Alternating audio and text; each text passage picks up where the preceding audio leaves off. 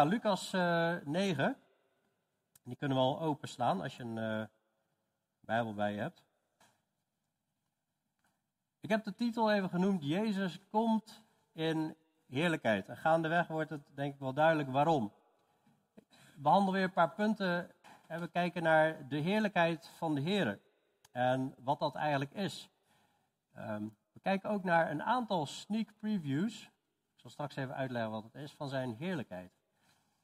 En we zien ook een boodschap van God de Vader, die ineens vanuit de hemel roept dat wij naar deze zoon, naar hem moeten luisteren. Dus we zitten in, uh, in Lucas 9. En uh, heel even kort van een, een opfrissen wat hier aan, aan vooraf ging. Is dat, nou, in ieder geval, Jezus heeft aan de discipelen gevraagd: Wie zeggen jullie dat ik ben? En, en dan zegt Petrus hè, dat Jezus de Christus is. Hè, dat hij de Messias is, hè, die verwacht werd. Isaiah 9, vers 6 of 5 zegt dat dat eigenlijk God is die komen zou naar de aarde. En dat geloven zij. En Jezus vertelt dat hij veel moet lijden, verworpen moet worden door de oudste overpriesters en schriftgeleerden. Hij moet gedood worden en op de derde dag opgewekt worden. En daarna heeft hij het over dat als iemand achter mij aan wil komen, moet hij zichzelf verloochenen en zijn kruis dagelijks opnemen en mij volgen. En dat je, ja, als jij je leven probeert te behouden, dan ga je het verliezen. Maar als je je leven verliest voor Jezus, dan zul je het behouden. En hij heeft in vers 26 over wie zich voor mij en mijn woorden geschaamd zou hebben. Voor hem zal de zoon des mensen zich schamen wanneer hij zal komen in zijn heerlijkheid. Wanneer hij zal komen in zijn heerlijkheid en in die van de Vader en in die van de heilige engelen. Ik hoop dat we daar vandaag iets meer over gaan begrijpen wat daarmee bedoeld wordt wanneer Jezus komt in zijn heerlijkheid. En ik zeg u in waarheid, vers 27, er zijn sommigen van, van hen die hier staan, die de dood niet zullen proeven, voordat zij het koninkrijk van God gezien hebben. En dan lees ik even verder. Het gebeurde ongeveer acht dagen na deze woorden, dat Jezus Petrus en Johannes en Jacobus meenam en de berg opklom om te bidden. Het gebeurde terwijl hij bad dat de aanblik van zijn gezicht veranderd werd en zijn kleding, zijn kleding blinkend werd.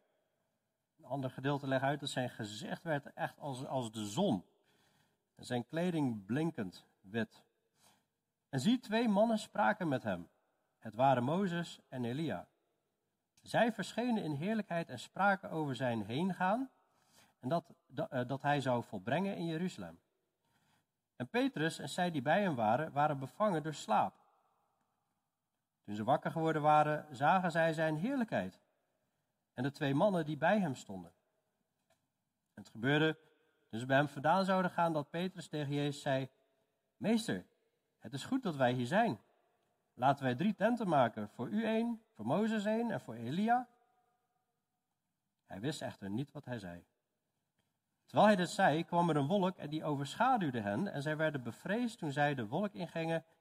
En er kwam een stem uit de wolk en die zei, dit is mijn geliefde zoon, luister naar hem. En, de stem, en toen de stem geklonken had, bevond Jezus zich daar alleen. En zij zwegen en vertelden in die dagen niemand iets van wat zij gezien hadden. Ja, dit is dus zo'n stuk en, en dan zou je eigenlijk ja, zo even langs kunnen lezen van, oh ja, dat is best interessant, weet je wel. Maar uh, ik hoop dat we vandaag daar wat meer van doordrongen uh, kunnen worden.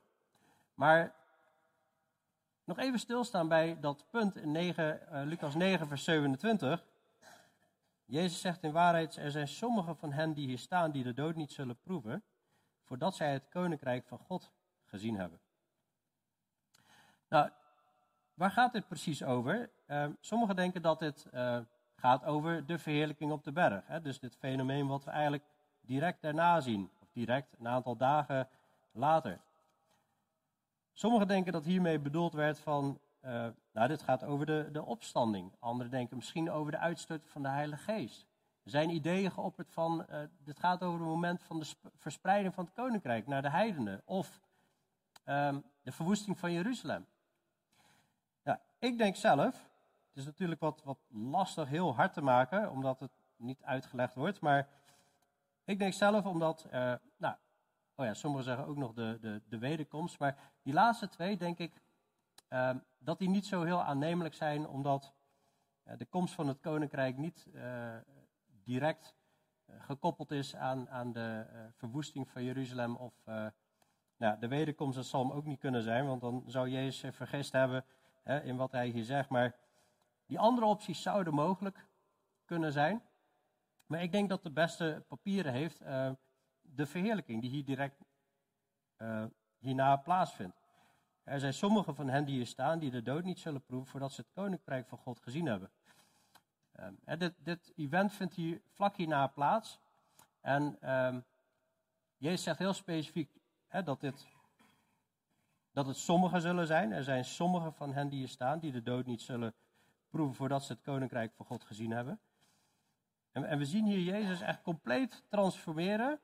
Zoals hij eigenlijk straks, hè, dat zullen we straks ook zien in de openbaring, zoals hij eigenlijk straks ook eruit zal zien.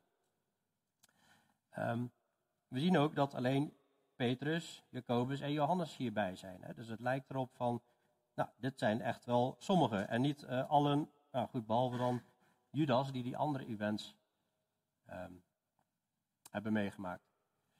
Maar het zou natuurlijk goed kunnen dat, dat, dat Jezus dit allemaal bedoelt. Uh, ik, ik, vind, ik vind het allemaal prima, ook aannemelijk.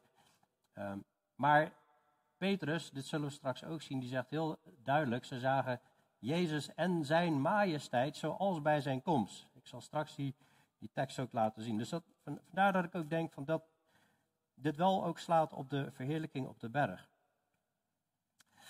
Maar goed, um, we kijken even naar de heerlijkheid van de Heer. Waarom zou dit gedeelte nou in de, in de, in de Bijbel staan? Is dit gewoon van, oh, nou, dat is uh, vermaak. Hè? Dit is wel interessant om, om te zien dat iemand zo transformeert. Zou dat de reden zijn? Of zou het de reden zijn hè, om de Bijbel wat interessanter te maken? Of is het gewoon echt omdat de Vader de grootheid van Jezus wil tonen? En dat God hier duidelijk wil maken van hoe groot Jezus is. Dat hij ineens compleet kan transformeren. En dat we hem eigenlijk mogen zien zoals hij echt is. Ik denk daarnaast dat we mogen beseffen dat de Bijbel zegt: alle hebben gezondigd en missen de heerlijkheid van God. Alle hebben gezondigd en missen de heerlijkheid van God. Ja, iets wat je niet mist, iets wat je niet hebt, zul je ook niet heel snel missen. maar wij als mens zijn gevallen. In de, in, de, de, de mens was in volmaaktheid geschapen, maar de mens heeft gezondigd tegen God en is daarom nu afgescheiden van God. En wij zijn niet meer bij de heerlijkheid van God. Die kunnen wij niet meer zien. We missen de heerlijkheid van God. En het, loon van de zonde is uiteindelijk de dood. En de eeuwige afscheiding van, van God, dat is wat we verdienen. Er is zelfs een, een poel van vuur waar het eeuwige oordeel is. Maar we kunnen verzoend worden met God en weer in zijn aanwezigheid komen, zodat we die heerlijkheid van God niet missen. En de volledige heerlijkheid gaan we straks zien. Maar als we Jezus aannemen, krijgen we zijn geest in ons bidden. En dan mogen we iets ervaren van die rust en die vrede en wat God kan geven in de mens. Maar goed, ik wil uh, ja, wat meer stilstaan bij deze indrukwekkende gebeurtenis. Allereerst zie je in, Johannes dat Johannes, Petrus, Johannes en Jacobus waren hierbij. En Johannes die schrijft zelf ook in, Johannes 1 vers 14 dat is een, een bekend gedeelte, Johannes 1, maar dat het woord, dat gaat over Jezus, is vlees geworden en heeft onder ons gewoond. En dan zegt hij, en wij hebben zijn heerlijkheid gezien, een heerlijkheid als van de enige geborene van de Vader, vol van genade en waarheid. Dus Johannes spreekt over dat, dat, ze zijn, dat ze de heerlijkheid van Jezus hebben gezien. Natuurlijk in alle wonderen al die hij deed, maar ook in de transformatie die we hier zien. En zoals ik al zei, Petrus schrijft hier eigenlijk ja, best wel gedetailleerd over. Hij zegt in 2 Petrus 1 van, wij zijn geen kunstig bedachte verzinsels gevolgd. Toen wij u de kracht en de komst van onze Heer Jezus Christus bekend maakten. Maar wij zijn ooggetuigen geweest van zijn majesteit. Want hij heeft van God de Vader eer en heerlijkheid ontvangen toen een stem als deze van de verheven heerlijkheid tot hem kwam En die zei, dit is mijn geliefde zoon in wie ik mijn welbehagen heb. En deze stem hebben wij gehoord, toen deze vanuit de hemel kwam, terwijl wij met hem op de heilige berg waren. Nou goed, even over die, die, die stem. Dit, dit verhaal staat in drie evangeliën. En de ene plek daar staat van, dit is mijn geliefde zoon in wie ik mijn welbehagen heb. Op een andere plek staat weer, ehm, zoals hier in Lucas, dit is mijn geliefde zoon, luister naar hem. Het complete verhaal, dit is mijn geliefde zoon in wie ik mijn welbehagen heb, luister naar hem. dus dat wordt wat gevarieerd, maar in ieder geval, hij was hierbij. Hij zegt heel specifiek, terwijl wij met hem op de heilige berg waren, we weten niet precies over welke berg die heeft, maar in ieder geval, uh, het, het, het, wordt duidelijk dat er een, een, berg is. Op een andere plek staat de hoge berg mogelijk. Eh, de berg Hermon, we weten het niet zeker. Maar waar het vooral hier om gaat, is dat hij hier aangeeft: hè, wij hebben zijn majesteit gezien. We zijn ooggetuigen geweest van zijn majesteit. Dus ze hebben daar iets gezien, iets, iets koninklijks, iets, een, een, een, transformatie waar ze diep van onder de indruk zijn geweest. En hij koppelt dat ook direct aan hè, dat hij om die reden ook de kracht en de komst van onze Heer Jezus Christus bekend maakt. En, en zij zelfs. Hè, wij zijn ooggetuigen geweest van zijn majesteit. Dus ja, vervolgens gaat dit stuk verder over. Hè, dus we hebben een, een betrouwbaar profetisch woord. Hè, terwijl valse leraren eigenlijk verderop in dat, in dat uh, Bijbelboek. Hè, dus eigenlijk een, een, een draai geven en gaan spotten over de komst van de Heer Jezus. Dus dit heeft diepe impact gemaakt op Petrus en op Johannes op dit moment. En geeft hun een overtuiging wat betreft de komst van Jezus en dat ze echt ooggetuigen zijn geweest van zijn majesteit. Dus we, zien hier gewoon een aantal man en die hier krachtig van getuigen van wat hier is gebeurd. En ja, als je ook even gewoon bij het verhaal zelf stilstaat, bij de, bij de tekst in, in Lucas 9, vers 28, en uh, nou goed, je, je, je, gaat die gedeeltes ook vergelijken. In Matthäus 17 en ook in Marcus. Maar dan zie je dus, ja, zijn, zijn aangezicht hè, wordt als de, als de zon.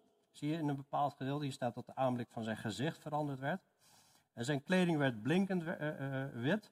En een ander gedeelte spreekt over hè, dat het zo wit wordt, eigenlijk als sneeuw. Maar zo wit zoals geen wolbewerker bewerken kan op de aarde. Dus het was ook niet zo dat hij ja, ergens een kledingkast had en daar even inliep en even een hele fel witte uh, stel kleren aantrok. Nee, dit is een, een bovennatuurlijk verschijnsel. Je ziet ook in, in Matthäus 17 op een gegeven moment dat um, hij werd voor hun ogen van gedaante veranderd. Zijn, zijn gezicht straalde als de zon en zijn kleren werden wit als licht. Dat is Matthäus 17, vers 2. Maar hij werd van gedaante veranderd. De grondtekst spreekt over eh, metamorfose. Metamorfose is eigenlijk waar we eh, aan denken als we het hebben over een vlinder. Een vlinder die verrupt, of een, een, zo'n beestje wat verrupt naar vlinder verandert. Dat, dat, noemen we een metamorfose. Dus Jezus verandert hier compleet van gedaante. En alsof van binnenuit gewoon hij zo krachtig straalt dat zijn kleren ook, die werden wit als het licht. Dus dat is al bijzonder. Ook als we beseffen dat Jezus is de, de tempel. Hij noemt zichzelf de tempel, hij is ook de tabernakel. Jezus zegt zelf op een gegeven moment over de, de fysieke tempel van stenen. Hij zegt, breek deze tempel. Hij, hij loopt daar en dan, terwijl ze naar de tempel kijken, spreekt hij over, breek deze tempel af en in drie dagen zal ik hem opbouwen. En dan blijkt dat hij ineens over zijn eigen lichaam spreekt. En die, hij zegt dat zijn lichaam de tempel is. En dat is ook wel bijzonder, want in het Oude Testament zie je de heerlijkheid van de Heer vaak verschijnen in de tempel. En als de heerlijkheid van de Heer de tempel vervult, hè, dan, dan, dan, dan, dan begint dat te stralen. Soms kunnen mensen daar niet eens meer staan. moeten ze naar buiten lopen. Dus er gebeurt hier iets heel bijzonders. Daarnaast zie je ook nog eens Mozes en Elia verschijnen. Zie, twee mannen spraken met hem, het waren Mozes en Elia. En dan denk je echt van, hè, Mozes die is al 1500 jaar daarvoor is hij al gestorven. En het bijzondere is dat God zelf heeft Mozes begraven. En zover ik weet is er niemand anders die, die, God zelf begraven heeft, maar Mozes is zelf uh, begraven door God. En Elia is nooit gestorven, maar die is opgenomen hè, in een vurige wagen. Elia is ook degene hè, waar de laatste profeet over spreekt in combinatie met hè, de laatste tijd die komen zal. En in Malachi staat dat Elia, die zal nog komen. Hè, in, in, in koppeling met het eind van de tijden. En dat is soms ook wel eens een beetje, hoe noem je dat, mindboggling voor mezelf. Of in ieder geval, ik denk, oh, hoe, hoe ga ik dit helemaal plaatsen? Maar aan de ene kant zegt Jezus over Johannes de Doper, dit is Elia die komen zou. Maar hij is inmiddels onthoofd en ineens staat Elia, die staat hier. Ik vind het een bijzonder fenomeen en ik, ik, ik wil hier niet te veel inleggen. En tegelijkertijd denk ik van, wat ik bijzonder vind is dat Mozes heeft het oude verbond gebracht. De eerste vijf boeken van de, van de Bijbel. En wanneer men spreekt over de Torah, spreekt men ook wel over de boeken van Mozes. Als de Joden spreken over het Oude Testament, ze zeggen ze ook wel Mozes en de profeten. In Lucas, eh, Lucas 16 zullen we zelfs zien dat Jezus dat zelf zegt. Ze hebben Mozes en de profeten, laat ze die geloven. Maar het zou kunnen zijn dat Elia hier als grote profeet een vertegenwoordiging is van de profeten. Mozes vertegenwoordiging van het oude verbond. Jezus is een vertegenwoordiging van het nieuwe verbond. Hij is zelfs het nieuwe verbond, zegt het Oude Testament. Wat ik bijzonder vind is dat je dan ook nog drie apostelen hebt, zeg maar, die ook nog een heel groot aandeel hebben gehad. En zij zijn eigenlijk fundamentleggers van het nieuwe verbond. Dus je hebt eigenlijk Mozes, verantwoordelijk voor het oude verbond, de vertegenwoordiger van de profeten. Je hebt Jezus daar staan, brengt het nieuwe verbond. En de apostelen, die eigenlijk fundamentleggers zijn voor de rest van het nieuwe verbond. Maar daar te midden daarvan zie je Jezus die verheerlijk wordt. En uiteindelijk in de hele Bijbel gaat alles om Jezus. Alles draait om Jezus. Jezus zegt zelf, de schriften, die zijn de die van, die, die, zijn de die van mij getuigen. De hele tempeldienst getuigt van Jezus en van zijn grootheid. Het nieuwe verbond getuigt van Jezus en van zijn heerlijkheid. Ik vind dat in ieder geval ja, bijzondere inzichten. Doe ermee wat je wil, maar ik vind het bijzonder wat we hier bij elkaar zien. dat je eigenlijk allemaal vertegenwoordigers hebt van bepaalde tijdperken bij elkaar. En Jezus allemaal zien in zijn heerlijkheid. Maar ook mooi dat we Mozes en Elia mogen zien. En zij verschenen ook in heerlijkheid. En ze spreken met Jezus. Dit, dit, dit veegt ook gelijk hè, eh, het hele zielenslaap-idee van tafel. Dat als we sterven, dan slapen we alleen maar. En dan is er verder niks. Lucas 16 weerlegt dat overigens ook. Daar ga ik nu even niet op in, maar daar komen we nog uit. Ze, ze leven. Ze leven nog steeds. Terwijl ze al in ieder geval niet meer op aarde zijn. Maar zij verschenen in, in heerlijkheid. Ik geloof wel dat dat een andere heerlijkheid is dan de heerlijkheid van God. Maar wanneer we bij God zijn, zijn we in heerlijkheid. Dat zullen we straks ook zien. Maar sowieso iedereen die vanuit die andere wereld wel eens verschijnt in deze wereld, dan zie je dat ze eigenlijk de heerlijkheid van God eigenlijk meenemen. En dat omstraalt. En vorige week uh, heeft Onno ons meegenomen naar uh, Lucas, Lucas 2, bij, waar die engel verschijnt aan de herders. Ik weet niet of je nog kan herinneren. Je leest er bijna overheen, maar de heerlijkheid van de Heere omscheen hen, staat er dan bij. Je ziet het ook als andere engelen verschijnen, dat, dat de heerlijkheid van de Heer erbij is. In het Oude Testament zie je het ook.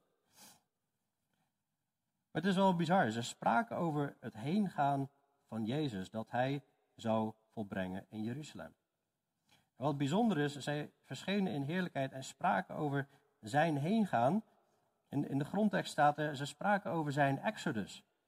Ze spraken over de exodus van Jezus, over het heengaan. En wat weer heel sterk doet denken aan eh, de exodus uit Egypte, waar Mozes eigenlijk Gods volk uit Egypte trok. Een beeld van de wereld. En hier spreken ze over de exodus van Jezus, hoe Jezus dus uiteindelijk straks verhoogd zal worden, veel moet lijden en uiteindelijk velen zal verlossen.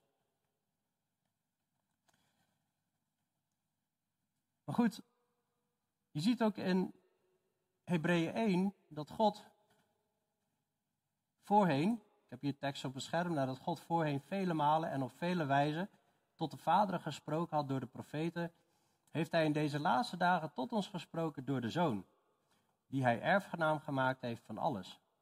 door wie hij ook de wereld gemaakt heeft.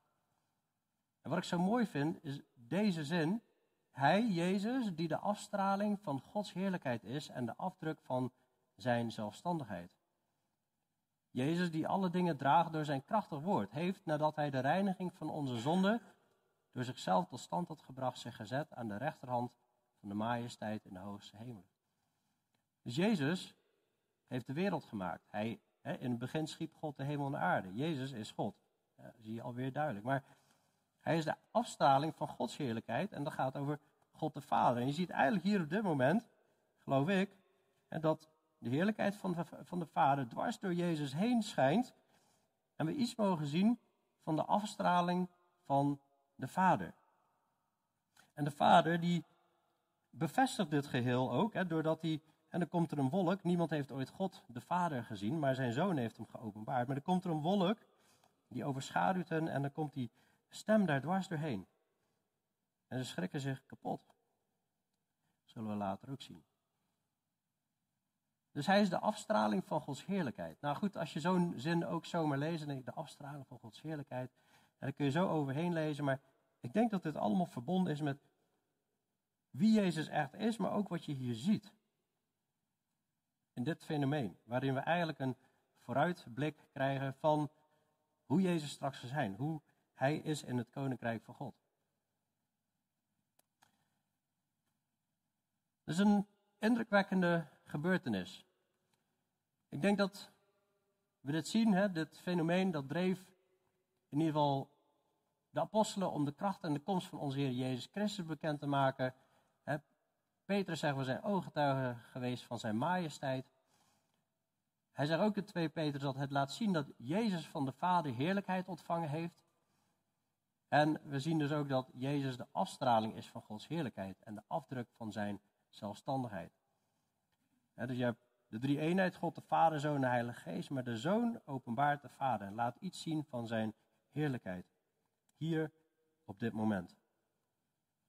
Dus ik geloof hier dat God echt wil dat we onder de indruk raken van Jezus. En ik hoop ook ja, dat je hier deze week ook gewoon eens echt rustig over nagedenken over die tekst en, en, en op de andere gedeeltes. En gewoon onder de indruk raakt van de heerlijkheid van God en de heerlijkheid van Jezus hier. Want ik, ik denk dat ik hierin een belemmerende factor kan zijn, omdat ik er niet bij was en probeer een verhaal te, te vertellen over wie Jezus echt is. Terwijl ik zelf, ik, ik zie het, ik bevat het, hè, in, de, in de geest probeer ik dit helemaal te doorgronden. Maar ik heb het idee dat hier nog meer een wow-effect aan zit dan ik kan verwoorden. Nou, ik wil ook nog wat meer meenemen naar uh, andere sneak previews van zijn heerlijkheid. En een sneak preview, ja, sorry, het is een beetje een wereldse term. Een sneak preview komt volgens mij uit de uh, bioscoop-terminologie, uh, waar, waar mensen dus een ticket kunnen kopen, een goedkope ticket, en dan krijg je zomaar een random film te zien. en dan kan het zijn dat je een sneak preview krijgt te zien van een, een, een grootste film, een of andere kaskraker. maar dat je al even een, een, een voorbeeld kan zien van die film zonder dat die uh, daadwerkelijk al is uitgebracht. Nou, zo is het eigenlijk ook dat je op meerdere plekken eigenlijk sneak previews ziet van Jezus. Voor het moment dat hij straks daadwerkelijk gaat verschijnen in zijn grote kracht en majesteit en heerlijkheid. Die we op vele plekken zien. Nou, verschillende gedeeltes. Ik ga ze niet allemaal behandelen, maar verschillende gedeeltes die erover gaan zijn. Nou, kijk bijvoorbeeld in, in, in Daniel 10. dus uh, het zit in het Oude Testament, Daniel 10. Daniel is een van de profeten. En die is uh, uh, een aantal weken op een bepaalde manier aan het vasten. En in Daniel 10, vers 5 zegt hij: Ik sloeg mijn ogen op en zag en zie, er was een man gekleed in linnen, zijn heupen omgord met fijne goud uit Uvas zijn lichaam was als turquoise, zijn gezicht als het uiterlijk van de bliksem, zijn ogen als vuurvakkels, zijn armen en zijn voeten als de glans van gepolijst koper en het geluid van zijn woord als het geluid van een menigte. Zij spreekt en alsof hij gewoon een grote menigte aan mensen hoort. En de details zijn niet altijd precies hetzelfde. Ik geloof dat Jezus op, op, op verschillende manieren kan verschijnen en verschijnt. Maar er zijn ook overeenkomsten. zijn gezicht als het uiterlijk van de bliksem, zijn oog als vuurvakkels. wat doet het met Daniel? Hij is helemaal uitgeput. Er is geen kracht meer in hem over als je, als je verder leest. Hij ziet hier, de, de, de herziende statenvertalers vertalen het volgens mij terecht met de man met de hoofdletter M en zijn lichaam met de hoofdletter Z en zijn gezicht met de hoofdletter Z. Omdat zij ook zien dat hier dit om de Heer Jezus gaat. Dit gaat om een verschijning, hè, een, een preview van wie Jezus straks is zoals wij hem zullen zien. Nou, dan heb je in het laatste boek van de Bijbel, Openbaring 1. En dan verschijnt Jezus nog een keer aan Johannes, de apostel, die hier ook bij is bij de verheerlijking op de berg. En dan zie je in Openbaring 1, vers 13, staat iemand te midden van de zeven kandelaren, dat staat voor zeven kerken. En, en hij zag iemand die op de zoon des mensen leek, gekleed in een gewaad tot op de voeten. En op de borst omgord met een gouden gordel. En zijn hoofd en haar waren wit als witte wol, als sneeuw. En zijn ogen waren als een vuurvlam. En zijn voeten waren als blinkend koper, gloeiend gemaakt in een oven. En zijn stem klonk als het geluid van vele wateren, een hele brute, luide stem. En hij had zeven sterren in zijn rechterhand en uit zijn mond kwam een tweesnijdend scherp zwaard. En zijn gezicht was zoals de zon schijnt in haar kracht. En ook hier weer, toen ik hem zag, ik viel als dood aan zijn voeten neer. een, diep indrukwekkende gebeurtenis. Terwijl Je, Jezus zijn rechterhand op Johannes legt en zegt tegen hem, wees niet bevreesd. Ik ben de eerste en ik ben de laatste. Ik ben de levende. Ik ben dood geweest en zie, ik ben levend tot in alle eeuwigheid. Amen. Ik heb de sleutels van het rijk van de dood en van de dood zelf. dit is dus al na zijn opstanding, nadat hij naar de hemel is gegaan. Openbaring 10, dan zie je alweer zo'n verschijning. Zonder even al te veel context te vertellen, want anders komen we er niet doorheen. Uh, tenzij we ja, tot vanavond 11 uur de tijd hebben. Maar dan zie je weer in hoofdstuk 10, vers 1 en 2. Ik zag een andere sterke engel. Een engel is niet anders dan een boodschapper van God. Uit de hemel afdalen. Hij was bekleed met een wolk.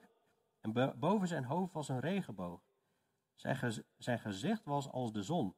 En zijn voeten waren als zuilen van vuur. En hij had in zijn hand een boekje dat geopend was. En hij zette zijn rechtervoet op de zee en zijn linker op de aarde. Nou goed, en dan gaat het verder, maar dan zie je weer die verschijning van hem met een gezicht als de zon.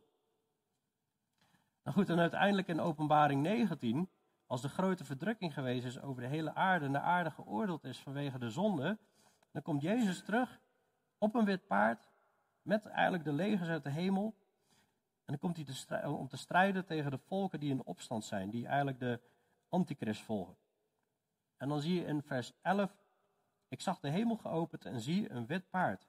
En hij die erop zat, werd getrouw en waarachtig genoemd. En hij oordeelt en voert oorlog in gerechtigheid. En zijn ogen waren als een vuurvlam en op zijn hoofd waren vele diademen, dat zijn kronen. En hij had een naam die opgeschreven was en die niemand kent dan hijzelf. En hij was bekleed met een in bloed gedood bovenkleed. Dat is dan wel een verschil, niet meer dat felstralende licht, maar een in bloed gedood bovenkleed. En zijn naam luidt het woord van God. En de legers in de hemel volgden hem op witte paarden, gekleed in fijn linnen, wit en smetteloos. En uit zijn mond kwam een scherp zwaard, opdat hij daarmee de heidevolken zou slaan. En hij zal een hoede met een ijzeren staf. Dus ik geloof ergens echt dat wanneer we deze verschijning zien, is het steeds gekoppeld, vaak gekoppeld, moet ik zeggen, aan oordeel. Aan hoe Jezus verschijnt in zijn kracht en in zijn majesteit. Ook in het boek Openbaring zie je Jezus al zo verschijnen, te midden van de kandelaar, te midden, te midden van de kerken. En hij heeft dan een boodschap aan vijf van zeven kerken die zich moeten bekeren. Petrus zelf zegt ook, nu is het de tijd dat het oordeel begint bij het huis van God. En als het eerst bij ons begint, wat zal het einde zijn van hen die het evangelie van God ongehoorzaam zijn? Op de dag komt Jezus terug, zo stralend in heerlijkheid, en dan zien we zijn majesteit. En openbaring 1 zegt al oh, de mensen die hem dan zullen zien, zich niet bekeerd hebben, ze zullen zien wie zij doorstoken hebben en zullen, zullen rouw bedrijven. En dus, ja, ik neem jullie bewust mee naar deze gedeeltes, omdat ik ja, geloof dat we hier te maken hebben met een, een preview, een, een vooruitblik naar hoe Jezus straks zal zijn. En God echt zijn majesteit laat zien en zijn heerlijkheid aan Petrus, Jacobus en Johannes, zodat zij het op mogen schrijven, zodat, zodat zij die boodschap over mogen brengen aan ons, zodat wij mogen begrijpen wie Jezus echt is. Wat ik overigens bijzonder vind, en daar zou je eigenlijk ook weer een aparte studie over kunnen houden, over gebed. We zien Jezus steeds in gebed. Hij is in gebed en dan gebeurt dit, dan gebeurt die verschijning. En het was volgens mij de bedoeling dat uh, apostelen mee zouden bidden, maar die vallen dus gewoon weer in slaap. Hè? Dus en dan zie je later eigenlijk ook hè, dat ze in Gethsemane, dan moeten ze bidden en strijden met Jezus en dan vallen ze in slaap. En dan zie je Lucas 9, vers 32. Petrus en zij die bij hem waren, waren bevangen door slaap. Toen ze wakker geworden waren, zagen zij zijn heerlijkheid en de twee mannen die bij hem stonden.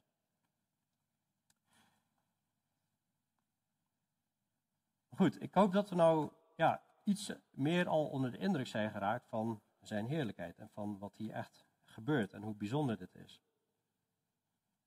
Maar dan is het nog niet klaar. Petrus die heeft dan ja, een wat bijzonder gedrag. Hè, dat het gebeurde, vers 33, toen zij, nou dat zijn geloof ik, hè, toen zij bij hem vandaan zouden gaan, dat Petrus tegen Jezus zei, meester het is goed dat wij hier zijn, laten wij drie tenten maken. Voor u één, voor Mozes één en voor Elia één. Hij wist echter niet wat hij zei. We weten niet wat hier in Petrus omgaat, maar het is best wel apart natuurlijk. Hè, dat hij ineens begint van, uh, zal ik een paar tentjes opzetten? ik weet niet of je dat wel eens kent. Ik heb zelf wel eens van die momenten gehad dat je uh, op, je, op je werk of toen ik eigen bedrijf had, dat je ineens met allemaal uh, ja, belangrijke mensen aan tafel zit. En dan um, zeg je iets en dan denk je, oh, volgens mij zegt dat helemaal nergens op. Weet je wel, ik, nou, misschien ben ik de enige die dat heeft. Hoor. Maar in ieder geval, Petrus had ook. Dat, voel me goed door Petrus. Die, die, die zegt hier ineens iets en, en de Bijbel zegt letterlijk, hij wist echt niet wat hij zei. dat staat hier letterlijk in vers 33 op het eind. Maar ja, wat moet je natuurlijk ook? Je ziet zo'n bijzondere verschijning van Jezus. Ja, hoe reageer je daar nou op? Maar misschien had hij ook zoiets van, ik wil gewoon niet tot dit moment, ik, ik zie hier eigenlijk het koninkrijk van God, ik zie Jezus en majesteit. Ik wil ook niet dat Mozes en Elia weggaan. Misschien kan ik ze nog een tent aanbieden, dat ze dan in ieder geval nog even blijven slapen. Maar goed, God had een ander doel hiermee. Terwijl Petrus dit zei, vers 34, kwam er een wolk en die overschaduwde hen. Zij werden bevreesd toen zij de wolk in, zij werden bevreesd toen zij de wolk ingingen. Het lijkt, het lijkt erop dat de apostelen meegenomen worden in die wolk. Ineens, bam, komt een wolk over hen heen en, en dan komt er een stem uit die wolk en die zei: Dit is mijn geliefde zoon. Ander gedeelte zegt: In wie ik mij welbehagen heb, luister naar hem. Ik laat nog even een stukje zien van uh, Matthäus 17, vers 5, waar, waar staat: uh, Terwijl hij nog sprak, zie een lichtende wolk overschaduwde hen. En zie een stem uit de wolk zei: Dit is mijn geliefde zoon. In wie ik mijn welbehagen heb, luister naar hem. Daar heb je die volledige zin. En toen de discipelen dit hoorden, wierpen zij zich met het gezicht ter aarde en werden zeer bevreesd. He, je ziet ook weer die, die schrik. Hè? Gewoon, op de ene plek zie je Daniel, er is geen kracht meer in hem. En, en, en, en Johannes die valt op een ander moment als dood voor hem neer. En hier zie je ook dat ze zeer bevreesd waren van wat hier allemaal gebeurt. En dan ook nog die stemmen bovenop. Maar dat is zo mooi wat Jezus zegt. Jezus kwam bij hen, raakte hen aan en zei, sta op en wees niet bevreesd. Ik wilde, mij alleen maar jullie, ik wilde alleen maar jullie mijn majesteit laten zien. dat is toch geweldig, maar ergens zegt de Bijbel ook dat vlees en bloed kunnen het koninkrijk van God niet beërven. Daarom moet dit lichaam afgelegd worden en moeten we een nieuw lichaam krijgen, anders kunnen we er niet in. En het lijkt wel wanneer God iets laat zien van die andere wereld, dat er, gewoon, er blijft gewoon geen kracht meer in ons over. Wanneer de heiligheid en de majesteit en de grootheid en de, hè, dat, dat wow van, van God ziet. Maar wat een genade dat Jezus zegt, sta op, wees niet bevreesd. Dit was mijn vader die sprak, ik ben de hele dag met hem in gesprek. En nu mogen jullie het ook een keer horen. Maar die boodschap, hè? Dit is mijn geliefde zoon, in wie ik mijn welbehagen heb. Luister naar hem. Toen ze hun ogen opsloegen, zagen zij niemand dan Jezus alleen. Weet je wat ik bijzonder vind? God laat dit gebeuren. Neem drie man apart. Mozes, Elia zijn erbij, Jezus is erbij. Echt een bijzonder fenomeen. En hier dwars doorheen, door dit grote fenomeen, zegt God: luister naar Hem. Luister naar Hem. God spreekt vanuit de hemel. En het hele doel van het evangelie en de hele boodschap van God is om de heidenen te brengen tot geloofsgehoorzaamheid. Dat staat in Romeinen 1, dat staat in Romeinen 15, dat staat in Romeinen 16. Het doel van het evangelie is om de heidenen te brengen tot geloofsgehoorzaamheid. Heeft niks met je redding te maken, die gehoorzaamheid, hè, dus doen wat God zegt, maar we moeten eerst geloven in het evangelie. Het evangelie is dat Jezus voor je zonde is gestorven, begraven en opgestaan. Als wij dat geloven, ontvangen we eeuwig leven. Dan onze zonde, elke leugen, elke diefstal, elke keer dat we een vrouw begeerd hebben in ons hart, dat, dat wordt allemaal zonde genoemd. Al die zonden komen dan op Jezus en zijn onschuld komt op ons. Maar ja, als Jezus daarvoor gestorven is, voor al die zonden, dan zou het toch niet kunnen dat we daarin doorgaan terwijl Jezus daar nou net voor gestorven is. dus dat zou hypocriet zijn. En de liefde naar God is hem te gehoorzamen. Dat is wat God vraagt. En daarin is ook diepe liefde te vinden. En eigenlijk was ik erover nadenken, maar als je kijkt naar de Lucasbrief, vanaf Lucas 1 tot en met Lucas 9, waar we nu zijn, gaat het keer op keer over luister naar Jezus.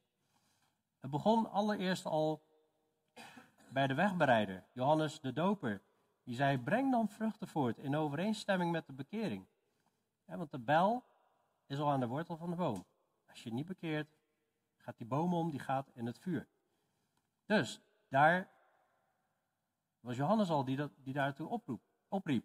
En hij zei, ik ben niet, ik ben die Messias niet, ik ben de weg, hij is de wegbereider. dat is wat hij zei. En toen Jezus kwam, zei hij, zie het lam van God, wat de zonde van de wereld wegneemt. We hebben boodschappen van Jezus gezien over de balk en het oog, over niet hypocriet zijn. Dat we eerst naar onszelf moeten kijken en ons bekeren voordat we bij een ander gaan kijken van wat er allemaal aan de hand is. We hebben het gehad over dat Jezus zelf sprak over waarom noem je mij heren, heren en doet niet wat ik zeg. Ben je een wijze of een dwazenbouwer? En we hebben gekeken naar de gelijkenis van Jezus waarin hij spreekt over de vier verschillende gronden van het hart. En er is één grond van het hart wat vrucht draagt, wat God wil. Bij die anderen, die zijn allemaal met andere dingen bezig. Met zorgen, met rijkdom. Of, of, of die houden niet van verdrukking en die haken af. Of die horen het wel, maar doen er niks mee. Het wordt geroofd door Satan. We hebben gezien dat Jezus zei, mijn moeder en mijn broers zijn deze die het woord van God horen en dat doen. Dus we zien Johannes die oproept tot gehoorzaamheid. We zien Jezus vele malen oproepen tot gehoorzaamheid. En nu zien we de Vader uit de hemel, niet meer Jezus, niet meer een mens of een wegbreider. Daarnaast hebben al de profeten getuigen ook van bekering. Maar nu spreekt de Vader uit de hemel. Luister naar Hem. Wees Hem gehoorzaam. Ik denk als de Vader hier bovenop nog eens spreekt, dan mogen we dit wel echt heel erg serieus nemen, toch? Ik neem het in ieder geval heel serieus. Dit zijn niet mijn woorden. Hè, dit zijn woorden van Jezus die we continu zien. Jezus is niet continu ons over het bolletje aan het aaien. Hè, of wil jou heel tijd zeggen, ik ben altijd blij met jou. Dat is helemaal niet wat de Bijbel leert. 1 Korinthe 10 leert het tegenovergestelde. Je moet je bekeren en in zijn weg wandelen. En dan is God wel heel blij met je. In Johannes 15, vers 7, en ik laat hem echt vaak zien, maar dat is ook gewoon zo'n krachtige tekst. Daar zegt Jezus, het dus gaat, gaat over een wijnstok en wij zijn, Jezus de wijnstok, wij zijn de ranken. En hij zegt, als je in mij blijft en mijn woorden in u blijven, vraag wat je maar wil en het zal je ten deel vallen, het zal je gegeven worden. Hierin wordt mijn Vader verheerlijk dat u veel vrucht draagt en mijn discipelen bent. Ja, dat vrucht dragen, dat is zijn wil doen. Als u mijn geboden in acht neemt, zult u in mijn liefde blijven, zoals ik de geboden van mijn Vader in acht genomen heb en in zijn liefde blijf. Dus als jij wil weten van, ja, hoe, hoe kan ik nou de liefde van God ervaren? Hoe kan ik nou echt innig verbonden zijn met de liefde van God? Als je mijn geboden in acht neemt, dan zul je in mijn liefde blijven. En er zijn tegenwoordig heel veel sprekers die, die, die praten over liefde, liefde, liefde, maar niet over de bekering en de gehoorzaamheid. Maar dat is gewoon verweven met elkaar in een relatie met God. Je kunt niet een relatie met God hebben zonder Hem te gehoorzamen. En dan zegt Jezus daarbovenop, deze dingen heb ik tot u gesproken, opdat mijn blijdschap in u zal blijven en uw blijdschap volkomen zal worden. En zoveel christenen gaan nog gebukt onder de last van niet gehoorzaam, de last van zonde, de last van slavernij, omdat ze niet volledig daarvan loskomen en gewoon doen wat God zegt. Maar Jezus belooft echt dat je blijdschap volkomen zal worden. Dat is zo mooi. Dus als God zegt, hier, luister naar hem, dan is dat niet om ons te plagen, maar dat is voor ons bestwil. Hij stuurt notabene zijn zoon naar de aarde om te sterven voor ons. Zo groot nieuws, zo mooi nieuws. Dit is grote blijdschap, hebben we vorige week naar gekeken. En ik wil ook gewoon bemoediging meegeven, en die, die haal ik uit 2 Korinthe 4, 4, vers 17, hè, dat, dat als we beseffen hoe moeilijk het ook is op aarde, onze lichte verdrukking, die van korte duur is, brengt in ons een alles overtreffend eeuwig gewicht van heerlijkheid teweeg. We zien iets van een fragment, een soort printscreen van de heerlijkheid van Jezus. Maar wat er hierna te wachten staat, wat je in openbaring 21 en 22 ziet, het wordt echt zo geweldig. En dan zet hij iets wat licht is tegenover, en dat, spreekt over verdrukking, tegenover een eeuwig gewicht van heerlijkheid. dat weegt heel zwaar. Dat eeuwig gewicht van heerlijkheid ten opzichte van die, hoe zwaar het ook is, een lichte verdrukking. Zo staat dat in.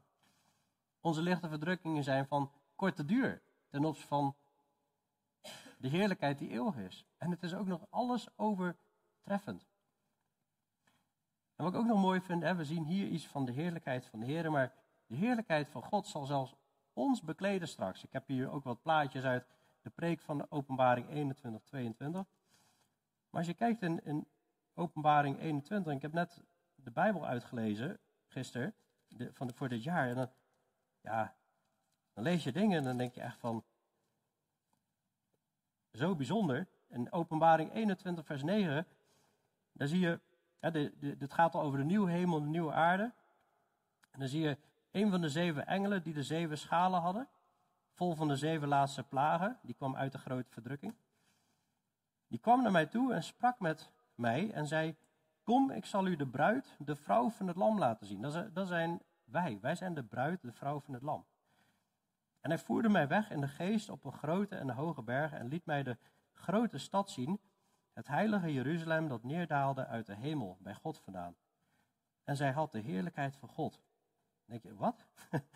Ineens is de, de vrouw van Christus ook bekleed met de heerlijkheid van God. En haar uitstraling was als zeer kostbare edelsteen. Nou goed, dan is ze helemaal versierd en is mooi gemaakt. En dit is een, een, wordt geprojecteerd als een soort stad, zeg maar. Of als een stad. En nou, gaat helemaal in detail uitleggen hoe die stad eruit ziet. En dan zegt hij in vers 22: Ik zag geen tempel in haar, want de Heere, de Almachtige God, is haar tempel en het Lam.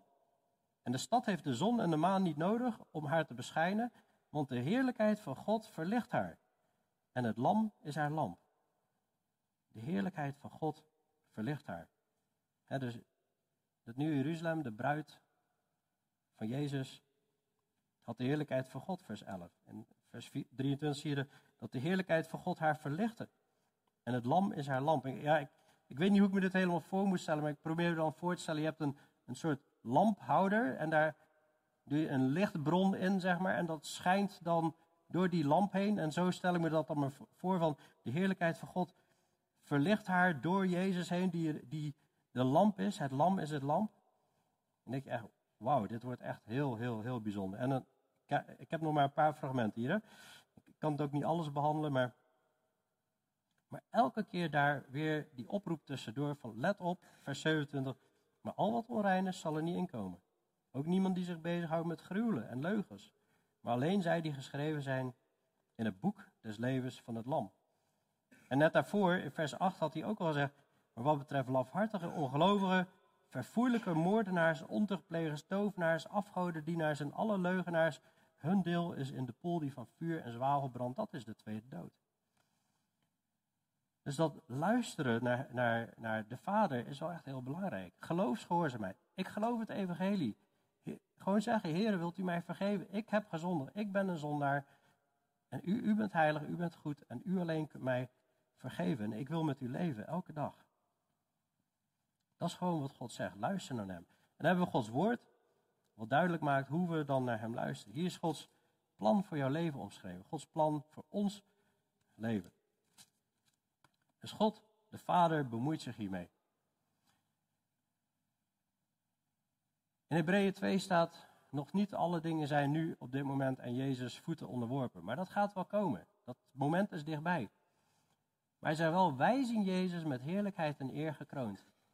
Hij die voor een korte tijd minder dan de engelen geworden was vanwege het lijden van de dood. Opdat hij door de genade van God voor allen de dood zou proeven. God heeft ons een, een creativiteit gegeven en, en een fantasie. En begrijp me niet verkeerd, ik heb het niet over dat dit een fantasieverhaal is. Maar ik geloof dat God ons mogelijkheid heeft gegeven om heel goed in te beelden door deze verhalen wie Jezus is. Dat we eigenlijk in de geest hem kunnen zien al met heerlijkheid en eer gekroond. Wij zien de grootheid van God, omschreven door woorden. Maar je kunt je ook iets erbij voorstellen, hè, door al die verhalen die omschreven zijn, waar ik wat fragmenten van heb laten zien. Maar ga eens op zoek in de Bijbel, moedig, moedig ik je echt aan, naar de heerlijkheid van God. Doe daar eens een studie over, over de heerlijkheid van God. En raak in verwondering over de heerlijkheid van God, waar we hier nog maar wat fragmenten van hebben aangeraakt. Wij zien Jezus heerlijkheid en eer gekroond. En Petrus zag die majesteit. Hij heeft het echt gezien. En wat mooi dat we vandaag ook een doopdienst hebben. Wat mooi dat we vandaag mensen mogen dopen die eigenlijk die stem hebben gehoord van dat God zegt, luister nou naar mij. Jezus zegt, luister. De, de, de, de apostelen zeggen, luister. Bekeer je en laat je dopen. Het is het begin van je wandel met God. En de doop, die is er. Omdat op het moment dat jij in Jezus gelooft, dan sterf je eigenlijk met Christus. Je legt, je legt je oude leven af. En als je sterft, dan moet je begraven worden. En dat is wat Romeinen 6, vers 4 zegt. We worden begraven door de doop, in de dood. Opdat evenals Jezus uit de dood is opgestaan, zo ook wij in nieuwheid van leven zouden wandelen, leven. Ik hoop dat we onder de indruk zijn van wie Jezus is en, en, en weer bemoedigd zijn om te luisteren en, en weer mogen zien van dit is echt, als je echte liefde zoekt, dit is waar, je, waar het te vinden is. Als je echt een relatie met God wil, luister naar hem. En geweldig dat we daaraan, dat aantal mensen hieraan gehoor gaan geven door zich te laten dopen zo. Maar voor iedereen geldt, ook al ben je gedoopt, hier is een bemoediging, een aansporing. Blijf met hem wandelen, luister naar hem. Zullen we bidden? Hemelse Vader, Heer Jezus, dank u wel ja, voor dit bizarre fenomeen dat we hier omschreven zien worden. En uh, ja, ik heb het idee dat ik zwaar tekortschiet in uw majesteit, uw heerlijkheid te omschrijven of, daar een, goed beeld van te geven, Heer.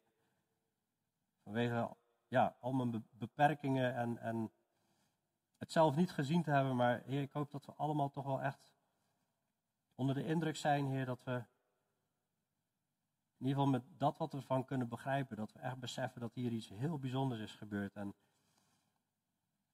dat uw majesteit straks zo diep indrukwekkend zal zijn. En in uw heerlijkheid te zijn, dat dat zo geweldig zal zijn. En Dat daar volmaaktheid is en puurheid en heiligheid en pure liefde. Dat alle tranen van de ogen weggewist zullen worden. Dat er geen moeite meer zal zijn, dat er geen dood meer zal zijn. Heer, daar dank u voor. Ja, ik bid ook, Heer, dat uh, iedereen die hier is ook gehoor zal, geven aan de stem van de Vader die uit de hemel heeft geklonken. Die zegt, luister naar Jezus. Heer, het is zo goed om u te volgen en u te gehoorzamen, Heer, omdat u bent goed. U bent liefde. En dank u voor uw barmhartigheid en dank u voor uw genade, Heer, dat uh, ja, we vergeving mogen ontvangen, Heer, van, uh, van onze zonden en niet meer die heerlijkheid hoeven te missen. Ja, ik bid zo voor uh, ja, oprechte bekering in, in, in, ieders hart. En als we misschien wat afgedwaald zijn of lui zijn geworden in, in de wandel, Heer, dat we weer opnieuw echt in relatie mogen wandelen met u. Elke dag weer in gebed te zijn. Elke dag uw woord te onderzoeken om te ontdekken wie u bent en wat uw plan is voor ons leven. Heer, dat uh, bid ik zo en ik dank u voor uw woord. In Jezus' naam. Amen.